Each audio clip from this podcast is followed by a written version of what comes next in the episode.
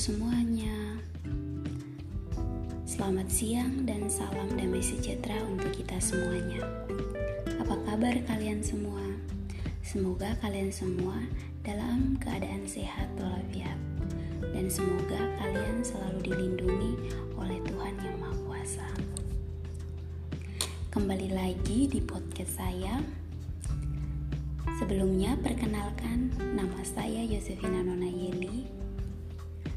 Saya mahasiswa semester 6 pada program studi bimbingan konseling Universitas Nusa Cendana.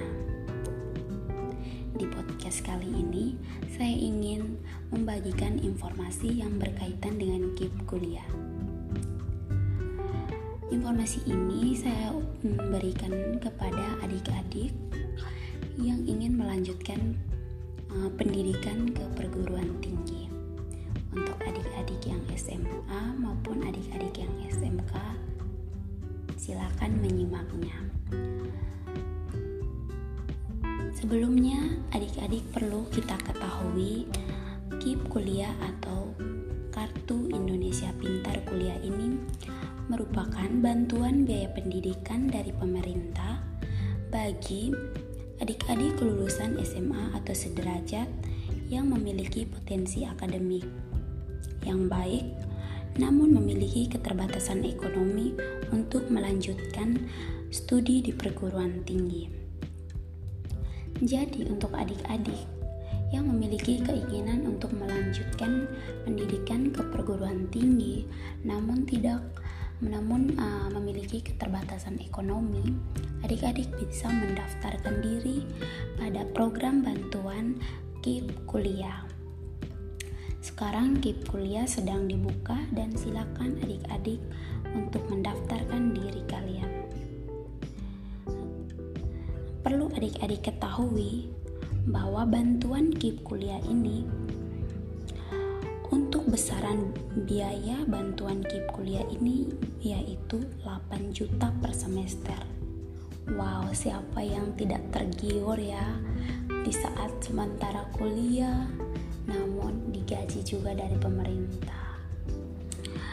Namun perlu adik-adik ketahui adapun persyaratan untuk mendaftarkan diri pada bantuan KIP kuliah ini yaitu yang pertama persyaratan pertama adalah siswa SMA atau sederajat yang telah lulus atau akan lulus pada tahun berjalan dan lulusan 2 tahun sebelumnya. Jadi, untuk adik-adik yang dua tahun sebelumnya sudah lulus namun belum melanjutkan pendidikan karena keterbatasan ekonomi, nah, ini ada kesempatan untuk adik-adik bisa melanjutkan pendidikan adik-adik. Yang kedua itu persyaratannya siswa yang memiliki NIS atau nomor induk siswa nasional NPSN nomor pokok sekolah nasional, dan NIK nomor induk keluarga yang valid.